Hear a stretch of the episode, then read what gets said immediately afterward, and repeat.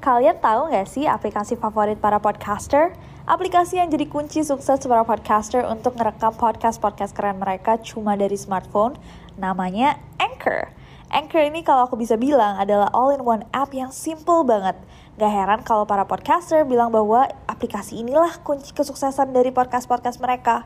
Di Anchor, kalian gak cuma ngerekam suara, tapi juga bisa ngedit. Mulai dari rekaman, isi lagu, efek, dan lain-lain. Yang paling aku suka adalah karena Anchor ini super fungsional.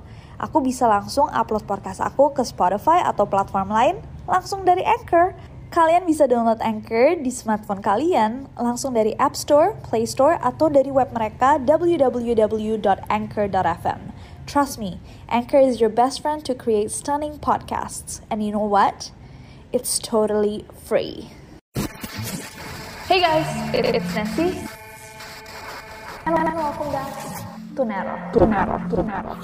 Semua CCTV yang ada di gedung apartemennya Susan kebetulan banget lagi mati malam sebelumnya.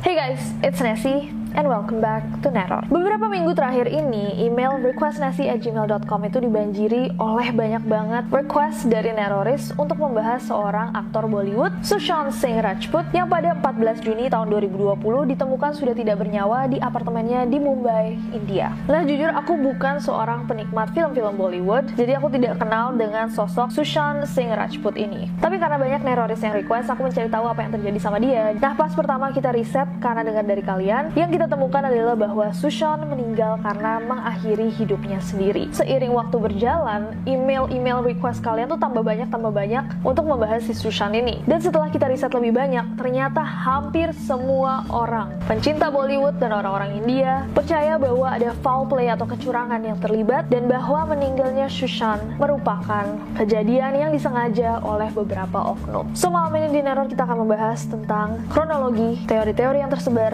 dan bukti-bukti yang mendukung teori-teori tersebut. So without any further ado, stop senyum-senyum, cause shit's about to go down. Sushant Singh Rajput adalah seorang aktor film layar lebar, serial televisi, serta penari asal Patna, India yang lahir pada 21 Januari tahun 1986 dari pasangan Krishna Kumar Singh dan Usha Singh. Sushan ini adalah satu-satunya anak laki-laki dari lima bersaudara, dan dia yang paling kecil. Dia paling dekat dengan ibunya, namun pada tahun 2002, ibunya meninggal dunia karena pendarahan otak dan keluarganya pun pindah ke Delhi. Sushan lalu memulai karirnya sebagai aktor melalui sebuah serial televisi berjudul Kiss Dash Mine High Mera Deal pada tahun 2008 sebagai Prit Juneja. Sedangkan debut film layar lebarnya adalah pada tahun 2013 saat dia memerankan karakter Ishan Bhatt dalam film Kai Poshe, dan sejak film itu karirnya dia tuh kayak wuh, meroket. Bukan saja dia berbakat dalam bidang acting dan dancing, Sushan ini juga sangat-sangat pintar dalam hal akademik. Dia pernah memenangkan Olimpiade Fisika Nasional dan menjadi mahasiswa teknik mesin di Delhi, tepatnya di Delhi Technological University, tapi dia nggak nyelesain kuliahnya karena dia mengejar mimpinya sebagai aktor. Sushan ini juga memiliki banyak banget fans, masuk banyak banget nominasi, dan meraih banyak banget penghargaan.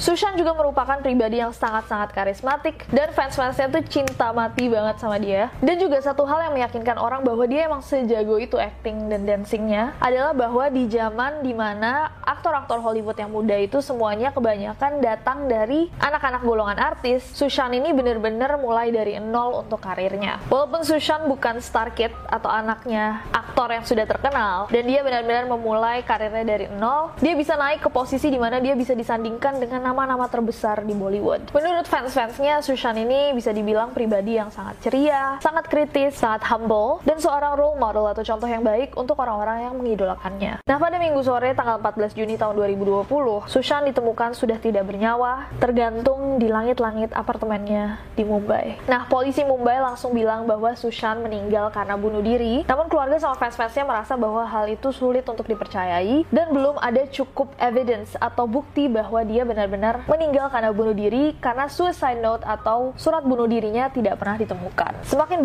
berjalannya waktu, malah banyak bukti-bukti lain yang mendukung bahwa sebenarnya dia tidak bunuh diri melainkan ada foul play atau kecurangan dalam kematiannya. Publik semakin yakin bahwa Sushant tidak bunuh diri, melainkan dibunuh secara sengaja atau dipaksa untuk melakukan bunuh diri, mungkin atas dasar paksaan atau ancaman. Ini yang dinamakan forced suicide atau bunuh diri paksaan. Tapi sebelum kita masuk ke teori-teori tergila yang dimiliki oleh publik fans-fansnya, aku akan menjelaskan dulu kronologi kejadian pada hari Sushan meninggal. Dilansir dari The Indian Express dan Tribune News, polisi Mumbai mengidentifikasi bahwa kematiannya Sushan ini terjadi antara jam 10 pagi sampai jam 1 siang. Karena diberlakukannya lockdown sejak Maret, Sushan tinggal di apartemennya bersama dua koki, seorang pembantu, dan manajernya. In that fateful morning, pada pagi itu, 14 Juni tahun 2020, Sushan Bangun sekitar jam 6 sampai jam 6.30 pagi dan asisten rumah tangganya bilang bahwa emang dia biasanya bangun pagi. Kemudian dia keluar dari kamarnya untuk minum pomegranate juice atau jus buah delima yang dibuatkan oleh asisten rumah tangganya dan juga minum obat yang diduga sebagai obat anti depresinya. Kemudian kembali lagi masuk ke kamarnya. Setelah itu kokinya mengetuk kamarnya Sushan untuk nanya Sushan mau makan apa siang itu, tapi nggak ada jawaban. Hal yang tidak biasa adalah pada saat itu kamarnya Sushan ini dikunci. Berkali-kali diketuk dan berkali-kali dipanggil masih belum ada jawaban dari Sushant. Akhirnya mereka memanggil kakaknya Sushant yang tinggal di Goregaon, gak jauh dari apartemennya Sushant. Dan si kakaknya ini selama perjalanan datang ke rumahnya Sushant tuh nelpon-nelpon gitu tapi nggak dijawab. Sesampainya di apartemennya Sushant, kakaknya manggil tukang kunci untuk bisa bukain kamarnya Sushant. Ketika pintu kamar terbuka, di situlah mereka melihat Sushant sudah tidak bernyawa, tergantung di kipas kamar. Petugas medis langsung membawa Sushant ke rumah sakit Cooper di Ville Parle sekitar pukul 3.30 sore. Dan jam 4.30 30 menit kemudian, Sushant Singh Rajput dinyatakan meninggal dunia karena bunuh diri. Mendapat kabar duka ini, fans dan keluarganya tuh shock berat. Kakak ipar Sushant bahkan sampai menyusul Sushant meninggal sehari kemudian karena dia tidak kuat menahan kesedihan dan kehilangannya. Gak cuma si kakak ipar, ternyata bahkan fans-fansnya ada sekitar empat orang yang ikut mengambil nyawa mereka sendiri. Saking sedihnya, Sushant sudah tidak ada. Sekarang kita masuk ke teori-teori atas alasan meninggalnya Sushan Rajput. Teori pertama adalah teori yang masih sejalan dengan keterangan yang dipublikasikan oleh polisi adalah bahwa Sushan mengakhiri hidupnya sendiri karena depresi dan alasan pertama yang mungkin membuat dia depresi adalah lockdown karena virus corona. Seperti yang aku tadi sempat sebut di awal, jadi Sushan tuh emang nggak ke mana-mana selama lockdown virus corona ini. Dia di apartemen aja selama lockdown. Ada rumor yang mengatakan bahwa Sushan mulai depresi karena jadi nggak ada kerjaan, jobnya sepi sepi dan dia mulai kehabisan uang. Namun hal ini dibantah oleh keluarganya karena keluarganya bilang ekonomi Sushan oke-oke aja dan dia masih tetap menggaji full semua karyawan-karyawannya dan nggak pernah telat bayar mereka atau tagihan apa pun. Selain itu, Sushan juga lagi berada di puncak karirnya akibat film Shihore. Shihore, film yang dia bintang ini memang sangat laku di pasaran dan menuai banyak banget ulasan positif. Film selanjutnya dia yang berjudul Dil Bekhara juga akan rilis tahun ini, jadi agaknya nggak mungkin nih Sushan depresi gara-gara gara-gara nggak ada uang. Karena dia oke-oke aja orang malah dia lagi di top of his career puncak karirnya masa-masa emas buat Sushan tapi sempat ada nih ai dari yang aku baca salah satu staffnya dia pernah bilang kayak iya ini bayaran kamu kan 4 hari sebelumnya dia bayar kan? Tapi saya nggak tahu apakah bulan depan saya bisa bayar atau enggak pembantunya yang bilang kan jadi mungkin artinya antara saya mungkin nggak bisa bayar kamu financially atau saya nggak akan ada di sini lagi untuk membayar kamu. We don't know. Atau dia tahu akan ada sesuatu yang terjadi sama dia Alasan kedua yang dipikir orang mungkin menjadi alasan depresi dia adalah karena nepotisme di Bollywood. Tadi aku sempat singgung juga di awal, isu nepotisme di Bollywood ini sangat-sangat kuat bahwa jika kamu bukanlah aktor yang merupakan juga anaknya aktor di Bollywood itu kamu dilihat kayak dipandang sebelah mata gitu. Sushan berkali-kali bilang bahwa dia bahkan gak diundang kalau misalkan orang-orang itu punya pesta dan sering kali di talk show talk show mereka bikin Sushan tuh jadi kayak joke running joke gitu apa sih bercandaan lah semacam bahan ledekan. Salah satu dari oknum yang sering melakukan ini adalah Karan Johar yang di talk show-nya Coffee with Karan tuh sering kali menggunakan namanya Sushan untuk jadi kayak apa ya pilihan-pilihan gitu dan ngeledek dia. Star Kids atau anak-anak artis juga sering kali menggunakan namanya Sushan buat bercandaan. Salah satunya Alia Bhatt walaupun kayak jatuhnya harmless joke ya kayak bercandaan aja sih sebenarnya. Tapi orang-orang beranggapan bahwa ini adalah salah satu alasan kenapa nepotisme di Bollywood itu sangat-sangat kental dan sangat mempengaruhi orang-orang kayak Sushan yang benar-benar memulai karirnya dari nol. Hey guys, aku mau sedikit sharing sih seputar aplikasi keren yang aku gunain buat bikin podcast ini. Aplikasi ini tuh bisa di-download di App Store atau di Play Store, and it's totally free. Gak cuma buat ngerekam aja, Anchor juga bisa buat ngedit langsung rekaman kalian. Kita bisa langsung nambahin back sound, effects, tambah lagu, bahkan Anchor juga bisa mendistribusikan podcast kita ke berbagai platform lainnya. Kayak aku nih, biasanya aku langsung upload podcast aku ke Spotify langsung dari Anchor. Jadi di mana pun aku berada, aku bisa buat podcast aku kapan pun dan di mana pun aku mau. Karena dia super gampang, aku jadi suka banget nih sama Anchor ini. Daripada kalian kepo, mendingan kalian langsung coba aja buat podcast sendiri pakai Anchor. It's super simple and free.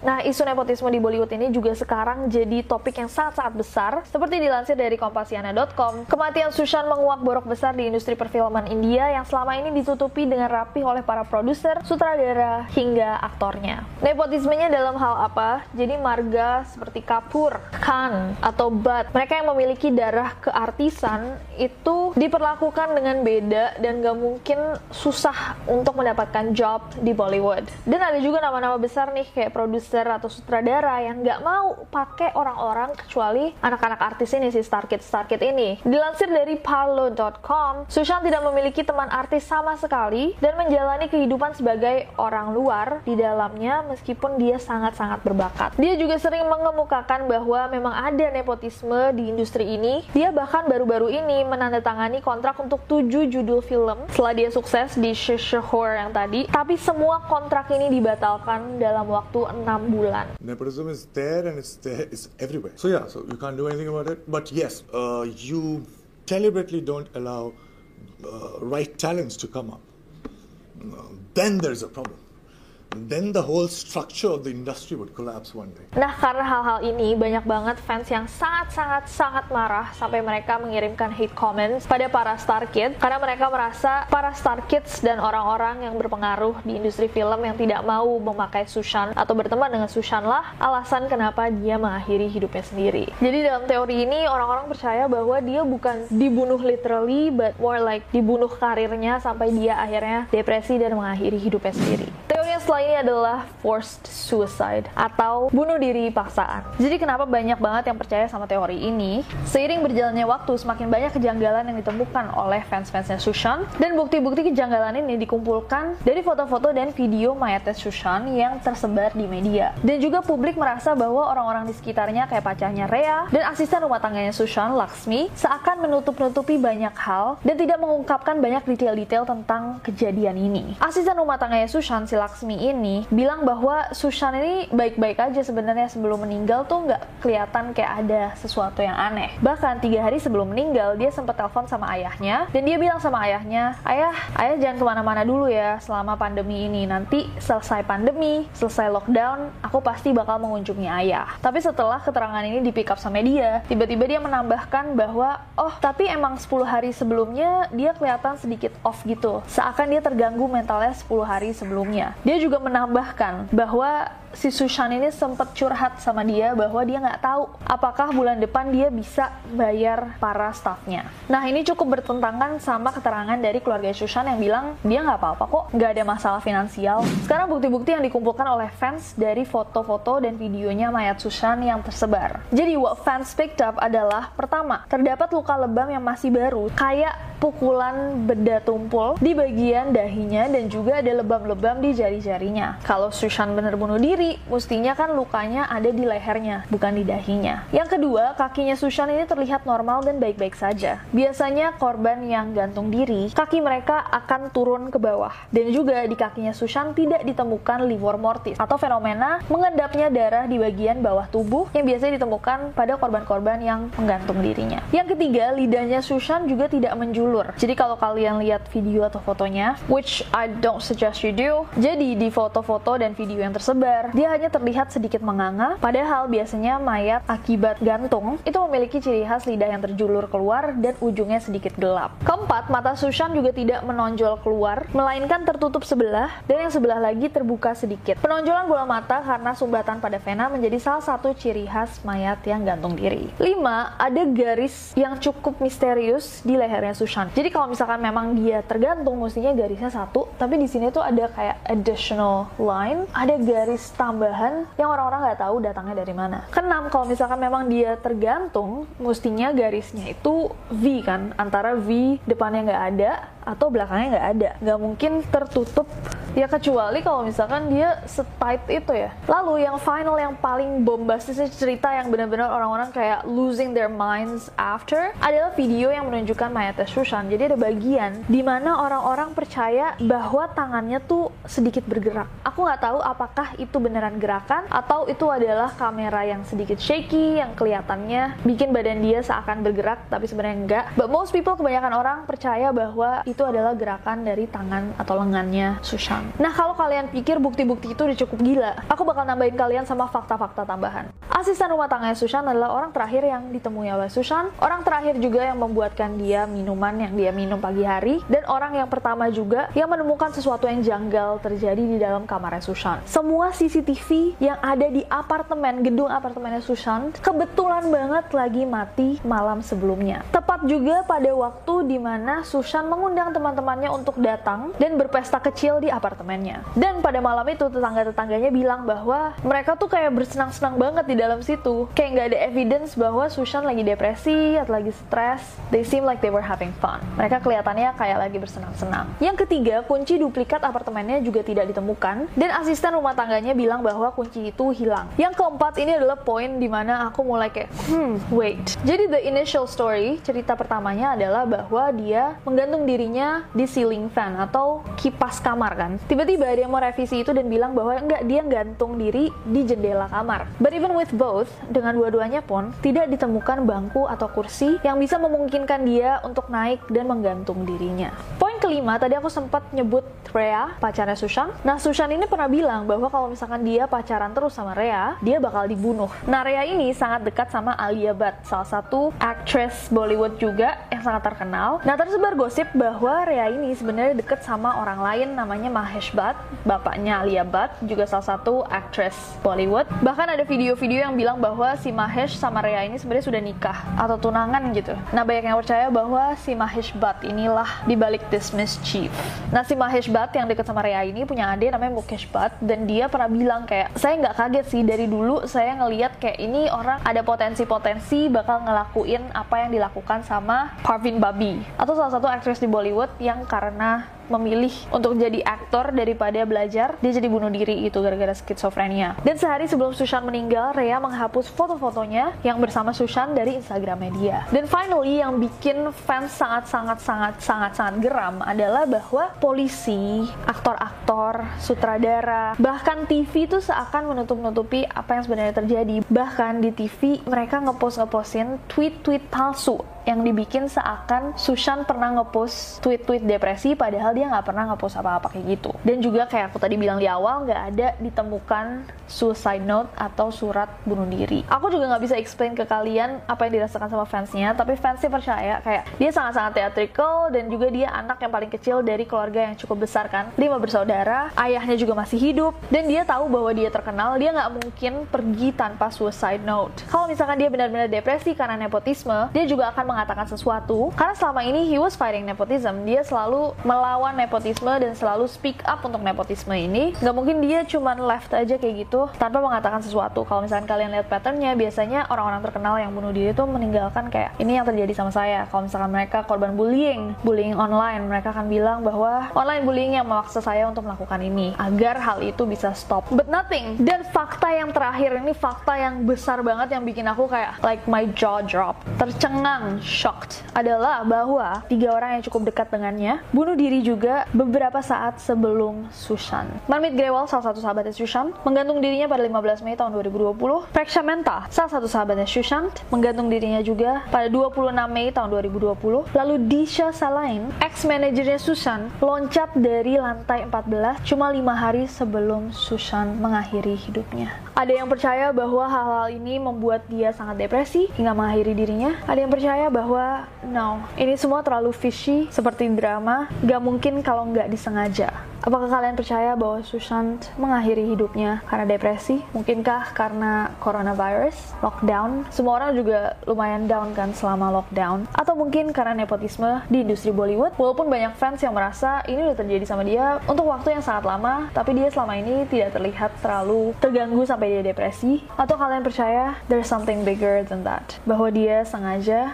dipaksa untuk mengakhiri hidupnya atau diakhiri hidupnya lalu di stage seakan dia menggantung dirinya sendiri.